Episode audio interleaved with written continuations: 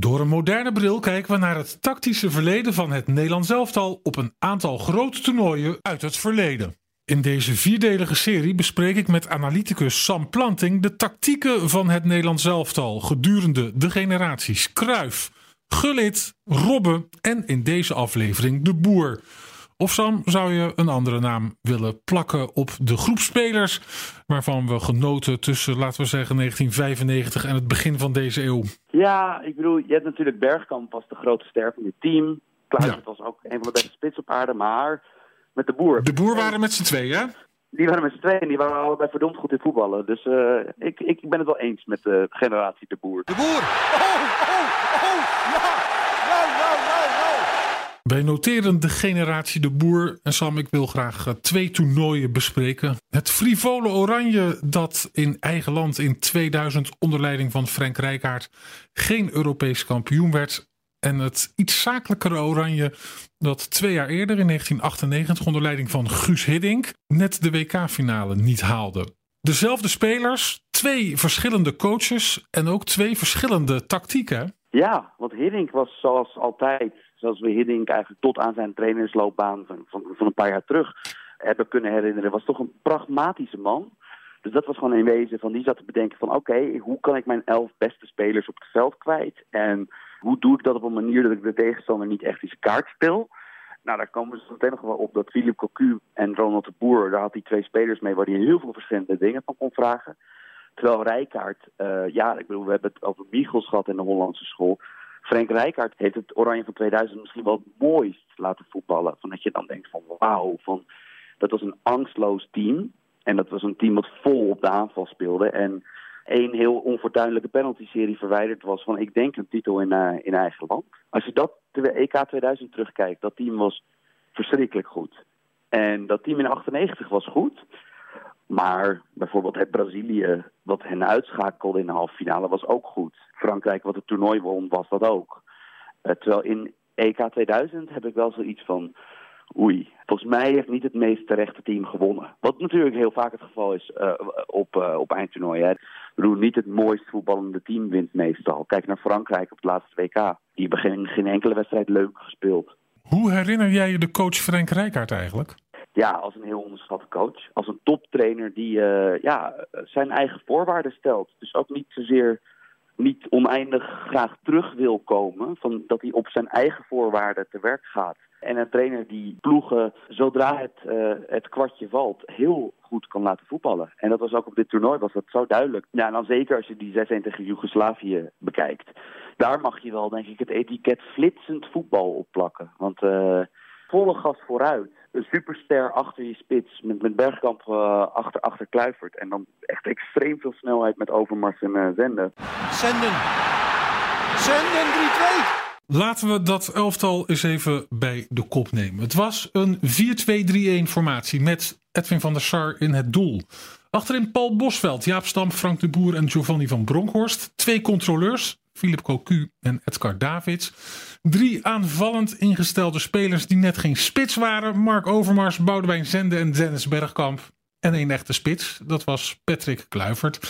Extreem aanvallend en extreem veel kwaliteit in die linie. Hè? Zeker, want dat is dat als je dus even nadenkt van het tweemans middenveld met, met Bergkamp ervoor, de Cocu, Davids, Bergkamp, qua voetballende kwaliteiten is dat, uh, was dat denk ik op dat moment het beste wat de wereld in elk geval qua drietallen te brengen had in 2000. Davids was superster en Bergkamp ook en Cocu is permanent onderschat. Uh, Waarom ja, vind jij dat, dat Cocu permanent onderschat is? Ja, ik denk dat we de, dat we de Cocu-lof heel veel voor 98 moeten bewaren, maar een speler die in wezen alles kan. En niet per se zo opvallend speelt als een Bergkamp of Davids. Maar eigenlijk elke taak kan hebben in het veld en altijd een zeven kan spelen. En dat is heel knap. Als meerdere spelers dat zouden kunnen doen, zouden we het veel vaker zien. Het is eigenlijk wel grappig hè, dat aan Rijkaard toch ook die degradatie van Sparta kleeft. Dat hij aan de andere kant Oranje zo mooi liet voetballen. En dat zagen we later ook terug bij Barcelona toen Rijkaard daar trainer was. Hè? Ja, ook bij dat Barcelona was heel aanvallend ingesteld. En ook daar wist Rijkaard, in dat geval was het Ronaldinho, wist hij zeg maar, het beste uit zijn beste speler te halen. En dat was in dit geval ook met Bergkamp het geval. Je kan duidelijk zien dat daar hetzelfde brein achter zat. Het 4-2-3-1 systeem van 2000, ingevuld met de spelers van nu, Sam, laten we achterin beginnen. Sillissen vervangt 1 op 1 van der Sar. Gaan we verder geen woorden meer aan vuil maken. Vier verdedigers. Marten de Roon aan de rechterkant in plaats van Paul Bosveld. Frank de Boer en Jaap Stam worden vervangen door Matthijs de Licht en Virgil van Dijk. En aan de linkerkant speelde Giovanni van Bronckhorst. En kies jij voor Daily Blind, die je in de variant van 1974 en de variant van 1988 nog als middenvelder gebruikte. Ja, ik bedoel, uh, Van Bronckhorst was een van de betere spelers op dat moment. Gewoon een klassiek aanvallende linksback. Hij had eigenlijk pas in 2010 heeft hij zijn echt verdiende lof gekregen. Dit was eigenlijk in het begin van zijn fase als, uh, als linksback. Want bij Glasgow Rangers en Feyenoord daarvoor was hij eigenlijk ook gewoon heel vaak een aanvallend ingestelde middenvelder.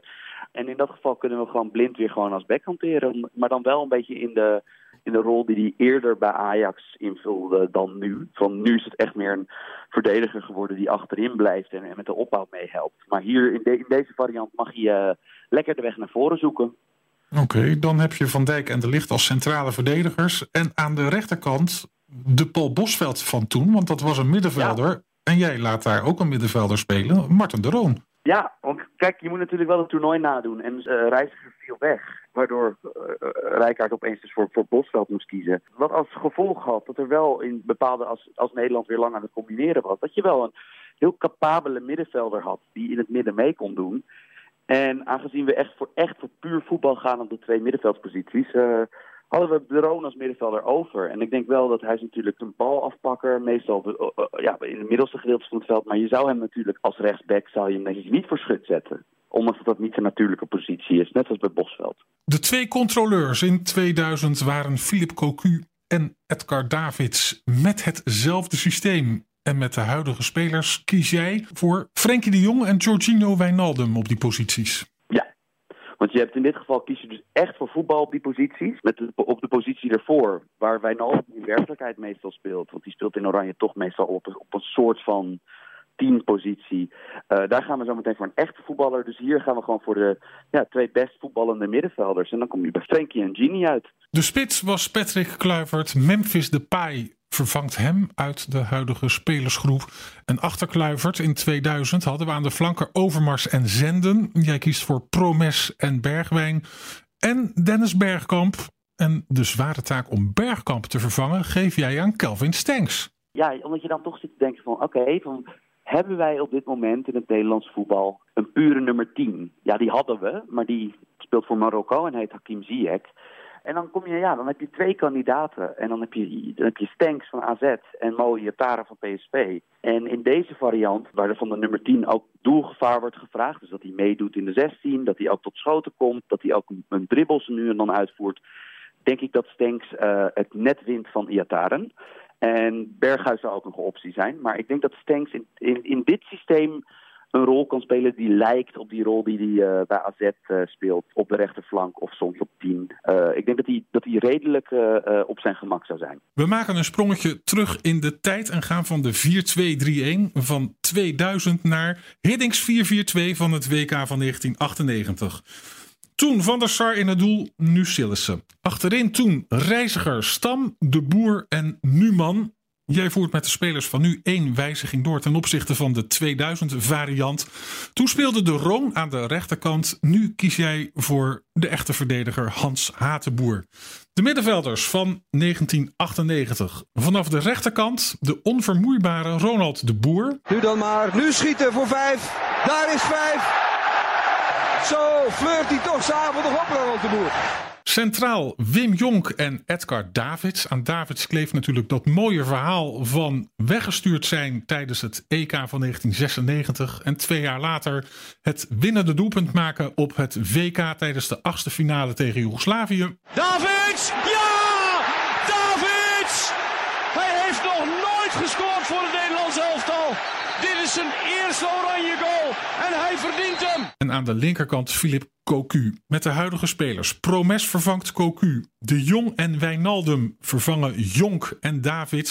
En aan de rechterkant Donny van de Beek in plaats van Ronald de Boer. Het is Sam de enige formatie met een basisplaats voor Donny van de Beek. Hè? Ja, omdat toch, hij, is, hij is toch meer wat, wat de Duitsers een raumdeuter noemen. Dus een ruimtezoeker.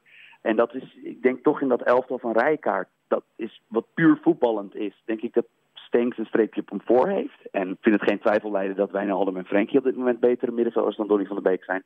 Maar in dit uh, elftal speelde er een middenvelder op rechts buiten uh, met Ronald de Boer. Ook een uh, extreem veelzijdige voetballer. En eentje die soms deze als bijna als rechtsbuiten speelde en veel diepte moest zoeken, maar ook heel vaak moest meedoen op het middenveld, verdedigend zijn mannetje moest staan. En dan, dan doemt Beek opeens op als een uh, aanvallende middenvelder die je goed bij kan gebruiken. Aan de linkerkant vervangt Promes alleskunner Philip Cocu. En die was echt extreem belangrijk in 1998, hè? Zeker. Want als we dus even nagaan wat hij op dat toernooi heeft moeten doen. In de wedstrijd dat Kluivert ontbrak, in de, in de groepsfase, heeft hij spits gespeeld. En had hij ook twee heel belangrijke doelpunten gemaakt. Bergkamp kan, goed aangehouden, goed doorgegeven. Cocu en de kans. Cocu! En het doelpunt, en weer is hij het, die het eerste doelpunt maakt. Hij speelde voorin samen met Bergkamp. Hij heeft linksback gespeeld in de 4-4-2. Hij heeft linksbuiten gespeeld in de 4-4-2. En hij heeft in de troostfinale toen Nederland met uh, drie verdedigers ging spelen, heeft hij nog linker wingback gespeeld. Dat hij de hele kant heeft uh, bestreken. En hij heeft een wedstrijdje met mid gespeeld. Dus dat zijn in uh, acht wedstrijden vijf verschillende posities. Dat is heel knap. Dat zou je eigenlijk niet van een speler kunnen vragen. Of in elk geval niet van een normale speler. Uh, maar ja, Cocu heeft het, dat toernooi was ja, echt een van de meest constante spelers in een in oranje shirt. En dat is uh, ook wel een reden dat ze zo ver kwamen. Kluivert was in 98 op dat moment echt een serieuze meneer. Toch? Hij was echt... Ja, wereldtop. Al... Zeker. Ja, was uh, op de top van zijn kunnen. Die deed dus eerst nog een periode niet mee. Nee, hij kreeg rood hè, in die eerste wedstrijd tegen België. Na dat akkefietje met Stalens. Dan heeft Kluivert iets gedaan in de ogen van de grensrechter. Iets doms gedaan, want Colina gaat rood trekken voor Patrick Kluivert voor een elleboogstoot op advies van de grensrechter. Je moet dus voorstellen dat een middenvelder nu, dat hij zegt van ja, kijk, ik vul de positie wel even in. En dat, en dat hij dat op een goede manier deed, dat is echt heel knap. En uh, Cocu was ook een speler die je of die kon zeggen van ja, je speelt super aanvallend vandaag. Of, of die kon jij zeggen van nee, je speelt heel sober en je moet vooral je directe tegenstander uitschakelen. Dat is dus wel echt heel knap uh, hoe, hoe hij dat uitvoerde. Terwijl de boer speelde eigenlijk dat hele toernooi op dezelfde plek. Maar die moest ook van rol wisselen per wedstrijd. Maar dat bijvoorbeeld dat Hiddink in de, de, de, belangrijkste wedstrijden tegen Argentinië en Brazilië, dat hij dus koos voor, voor Cocu op links, dat is wel een compliment. Want daar had natuurlijk redelijk aardige concurrentie met Overmars. Van de huidige internationals vind je dat Promes het meest in aanmerking komt om in die 4-4-2 van 1998 Philip Cocu te vervangen.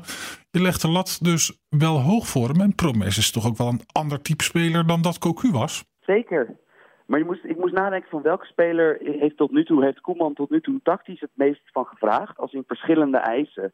En dan kom je dus gek genoeg wel bij Promes uit. Hij heeft bijvoorbeeld bij Oranje meerdere wedstrijden gehad waar hij en buitenspeler was en back. Uh, dat hij in één wedstrijd twee heel verschillende rollen heeft moeten spelen. En aan de andere kant, Cocu was zeker niet traag. En het kon, hij was dus ook wel, ik bedoel, het was geen uh, pure buitenspeler als Promes. De andere optie zou Van de Beek zijn, maar ik heb Van de Beek nog niet zoals Promes bij Oranje uh, als verdediger uh, zijn mannetjes zien staan. Oké, okay, dan sluiten we af met de twee spitsen. In 1998 waren dat Dennis Bergkamp en Patrick Kluivert. We hoeven natuurlijk alleen maar aan die prachtige kwartfinale Nederland-Argentinië te denken. Een hele goede aanval. Kluivert 1-0. Schitterende aanval. Bergkamp, Bergkamp 2-1. Naar de halve finale. Dat kan niet meer fout. De Dennis Bergkamp van 2020 is Memphis Depay. De Patrick Kluivert van 2020 is de jonge AZ-spits Myron Boadou. Waarom, Sam? Je kan normaal gesproken niet om Memphis heen. En bij de meeste varianten speel je toch met, met echt, echte vleugelspitsen bij Oranje. Maar de Kluivert van 98 was bijzonder dynamisch. Die moest je zeg maar echt, echt, echt schaduwen, omdat hij zo verschrikkelijk snel en explosief was. En de Bergkamp van 98 was wel meer een aanvaller, meer een spits dan de Bergkamp van 2000, die meer als team speelde. Dus ja, in dat geval kan je opeens Boadou en Memphis in één team krijgen. En dat is natuurlijk wel een vooruitzicht wat we graag zullen willen zien, toch? Van, uh, zeker als Boadou zijn lijn doorzet van dit seizoen. Dan heb je opeens wel uh, bij een defensief solide, solide, team als dit Oranje... heb je opeens best wel wat vuur, vuurkracht voorin. Als je die twee allebei op het veld kan krijgen. Oké, de 1998 variant is een 4-4-2. En van de huidige spelers zou Jasper Sillis in het doel staan. Hans Hatenboer rechts achterin, De Licht en Van Dijk centraal achterin, Blind aan de linkerkant. De vier middenvelders vanaf de rechterkant zijn Van de Beek, Wijnaldum, Frenkie de Jong en Promes. En voorin twee spitsen, Memphis en Boadou.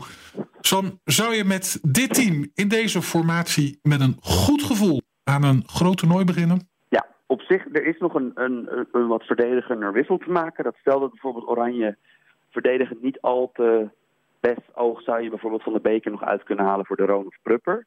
En dan Wijnaldum iets meer eh, aan de buitenkant spelen. Maar ik zou, in de, ik zou deze variant eigenlijk best wel vertrouwen, ja. Je hebt alle bekende namen. Ik bedoel, helaas weer geen plek voor de Vrij. En je hebt in mijn ogen wat meer vuurkracht dan de voorhoede die uh, Oranje gebruikt in de kwalificatiereeks. Doordat je nu Boadu Memphis hebt. Laten we hopen dat uh, Ronald Koeman meeluistert. Sam, dankjewel. Graag gedaan, Robert.